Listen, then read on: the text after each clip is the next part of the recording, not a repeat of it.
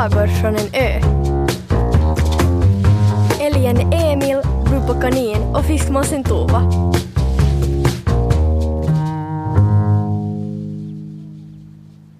Fiskmåsen Tova stod i Bubbas kök med en stor bunke och en mjölpåse framför sig. Hon hade lovat de andra att hon skulle bjuda på lussekatter. Världens godaste, hade hon sagt. Emil hade nickat och Bubba hade klappat i händerna. Det var bara en sak som Tova hade glömt att berätta. Hon hade aldrig bakat lussekatter förut. Tova kunde ju flyga ovanför molnen och dyka efter fisk i havet. Det kunde väl inte vara svårare att baka lussekatter? Hon hade ju sett hur Bubba gjorde. Hon tog mjölpåsen och hällde ut hälften i bunken. Hon hällde i en hel liter mjölk och la ner en brun jästbit. Och det såg inte alls ut som då Bubba bakade. Hon tog den största sleven hon hittade och rörde några varv. Det gick trögt och hon hällde på lite mer mjölk. Bunken blev så full att smeten droppade ner över bänken. Det såg fortfarande inte ut som Bubbas deg. Tova smaka. Blä! Det smakar inte alls gott.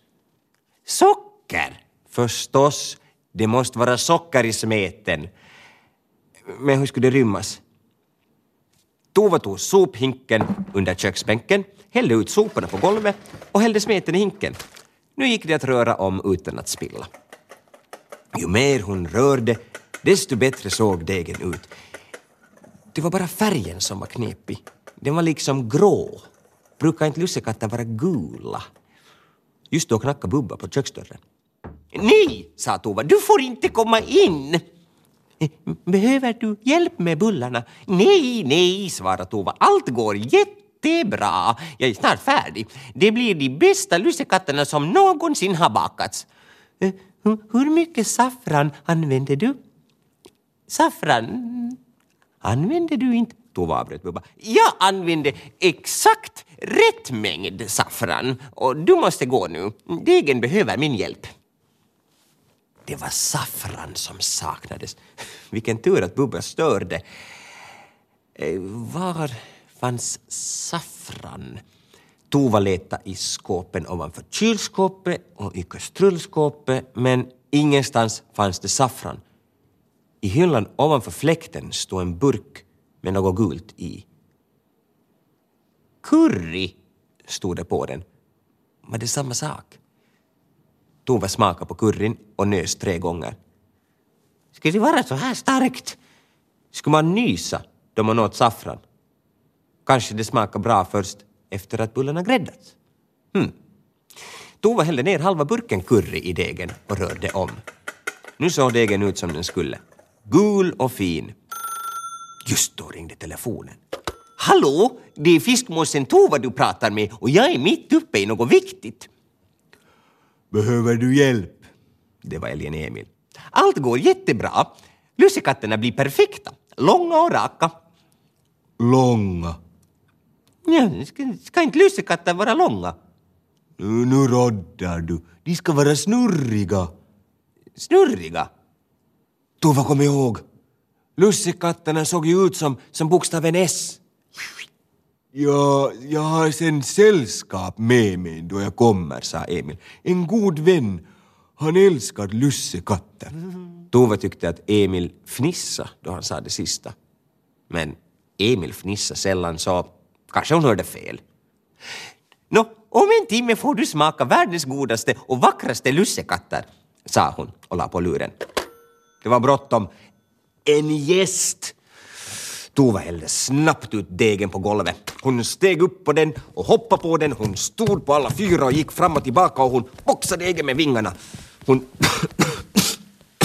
nös hela tiden och det gula mjöldammet la sig på hennes fjädrar. Det var svårt att forma lussekatter. Degen slank hit och den slank dit. Det såg inte alls ut som Bubbas lussekatter. Det såg mera ut som någon sorts krumelurer. Just när Tova tog plåten ur ugnen knackade på dörren. Eh, kom in! Aj! Hon brände sig och tappade plåten på golvet. Nej men Tova, sa Bubba. Vad har du gjort? Jag har gjort världens bästa lussekatter, sa Tova, men hon hörde själv att det inte lät så bra. Goddag, goddag, sa Emil. Eh, jo, jag tog med mig... Men, men vad är det som ligger på golvet? No, det är lussekatter, sa Tova. Världens bästa luss... Den här gången lät det nästan sorgligt när hon sa det. No, no, men det, det gör inget. De är säkert goda, sa Bubba och tog en stor tugga. Tju! Sen nös hon, sen spottade hon, sen såg hon på Tova. Va, vad har du haft i? I- Curry? Det är ju också gult. Curry? Men curry det är ju jättestarkt. Det kan man inte ha i bullar. Tove tog en av bullarna och bet en stor tugga för att visa att de var goda. Nå, de här är ju jätte...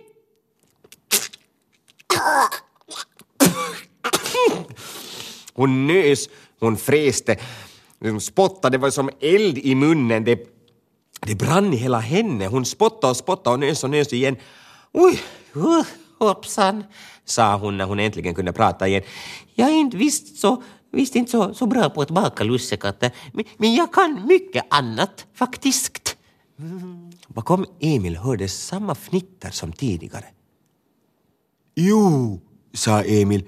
Det här är Lu- Lukander. Han är kattbekant som brukar komma på besök ibland.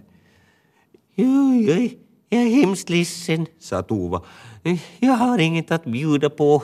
Lussekatterna... Hon avbröt sig och stirrade på den vita katten. Han hade tagit ett språng från Emils axel och satt sig på golvet med en av hennes lussekatter i tassarna. Mm, men de är ju jättegoda, sa han mellan tuggorna. De är ju världens bästa lussekatter alltså. Gillar du mina jättestarka, klumeruliga lussebullar? Vilken, vilken rolig gäst du är! Emil, Bubba och Tova satte sig i en ring och såg på då Lukander åt currybullarna. Ibland nös något så att dammet ryrde upp från golvet. Men det gjorde ingenting. Vi städar imorgon, sa Tova. Det är viktigare med lussekatter än med städning. Faktiskt.